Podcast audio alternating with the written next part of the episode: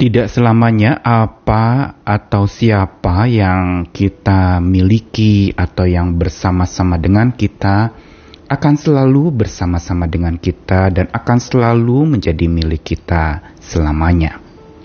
Ada masa yang memang ditentukan Tuhan untuk apa atau siapa yang kita miliki itu tidak lagi dapat kita miliki. Semua ini tentu saja menyisakan kepedihan ketika apa yang kita miliki atau siapa yang kita miliki itu tidak lagi ada pada kita. Kita merasakan kehilangan pada saat itu. Kita merasakan bahwa apa yang berharga itu dirampas, diambil, dan menyisakan sebuah kepedihan dan perkabungan yang begitu dalam Entah itu berupa apa misalnya kesehatan yang selama ini prima lalu menjadi makin menurun dan kita merasa sehat kita diambil atau dirampas oleh sakit penyakit. Atau mungkin harta benda, barang-barang yang kita miliki, rumah, tempat tinggal, kendaraan, atau apa saja pekerjaan misalnya yang selama ini kita bangga-banggakan lalu kemudian raib dari hidup kita. Kita mengalami kehilangan. Atau mungkin itu juga adalah seseorang yang kita kasihi, yang kita cintai. Dia selama ini bersama dengan kita tetapi Tuhan panggil pulang. Tidak ada lagi yang dapat kita temani dan menemani kita. Tentu saja ini semua sekali lagi menyisakan kepedihan. Mengapa tidak? Karena Hal yang paling berharga ketika itu raib dari hidup kita, kita sungguh-sungguh merasakan ditinggalkan. Kita merasakan mengalami kehilangan yang paling dalam karena yang paling berharga dalam hidup itu tidak bersama kita lagi. Namun bagaimana mengatasi hal ini? Itu saja jawabannya adalah jalanilah proses perkabungan atau masa-masa kehilangan itu dengan mengikhlaskannya tapi ini bukan perkara mudah. Mengikhlaskan sesuatu yang tadinya ada bersama dengan kita lalu sekarang tidak ada lagi bersama dengan kita, itu perlu waktu yang panjang. Dan bukan saja perlu waktu yang panjang, perlu ada sebuah proses yang dilalui sekaligus juga perlu ada sebuah keyakinan atau mindset baru yang dibentuk dalam diri seseorang. Sehingga apa atau siapa yang paling berharga dan tidak ada lagi bersama dengan kita itu memang menyisakan kesedihan tetapi dapat kita rela untuk melepaskannya. Dengan satu keyakinan dan mindset yang baru bahwa sesungguhnya apa yang ada pada kita bukan milik kita tetapi milik Tuhan dialah yang memiliki segalanya begitu juga hidup kita kitalah yang dimilikinya. Inilah yang menjadi dasar untuk supaya kita bisa siap dan mengantisipasi saat di mana apa yang kita miliki dan berharga itu hilang dari hidup kita. Saya Nikolas Kurniawan menemani di dalam Sabda Tuhan hari ini dari dua ayat yang pertama di dalam Keluaran pasal 19 ayat 5 jadi sekarang jika kamu sungguh-sungguh mendengarkan firmanku dan berpegang pada perjanjianku, maka kamu akan jadi harta kesayanganku sendiri dari antara segala bangsa. Sebab akulah Tuhan yang empunya seluruh bumi. Ini ungkapan yang dikatakan oleh Tuhan kepada umatnya. Lalu Yesaya 1 ayat 2 sampai 3 berupa sebuah teguran, Dengarlah hai langit dan perhatikanlah hai bumi Sebab Tuhan berfirman, Aku membesarkan anak-anak dan mengasuhnya, tapi mereka berontak terhadap aku. Lembu mengenal pemiliknya, tapi Israel tidak.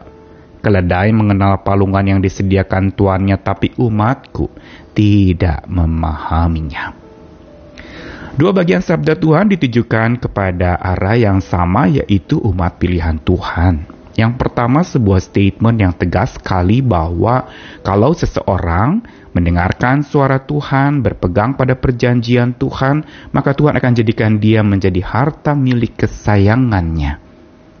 Bahkan di atas dan melampaui segala bangsa yang lain.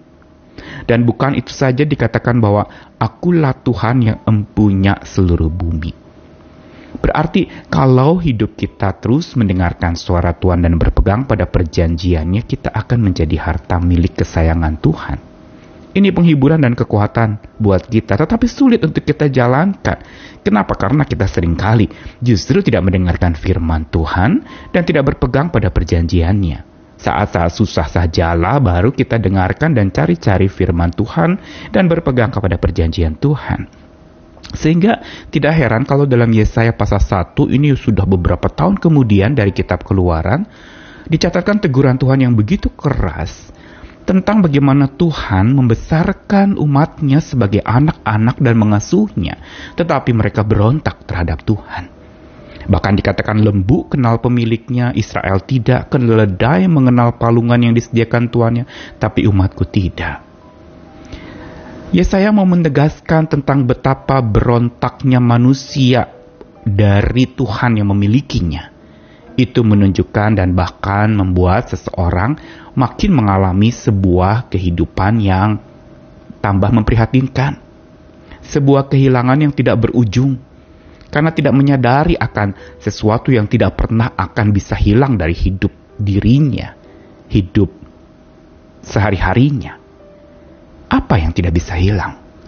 Satu-satunya milik kita yang paling berharga di dunia ini dan tidak bisa hilang adalah bukan apa yang kita miliki atau siapa yang kita miliki, tetapi Tuhan yang memiliki kita. Itulah yang tidak pernah akan hilang. Itulah yang paling berharga.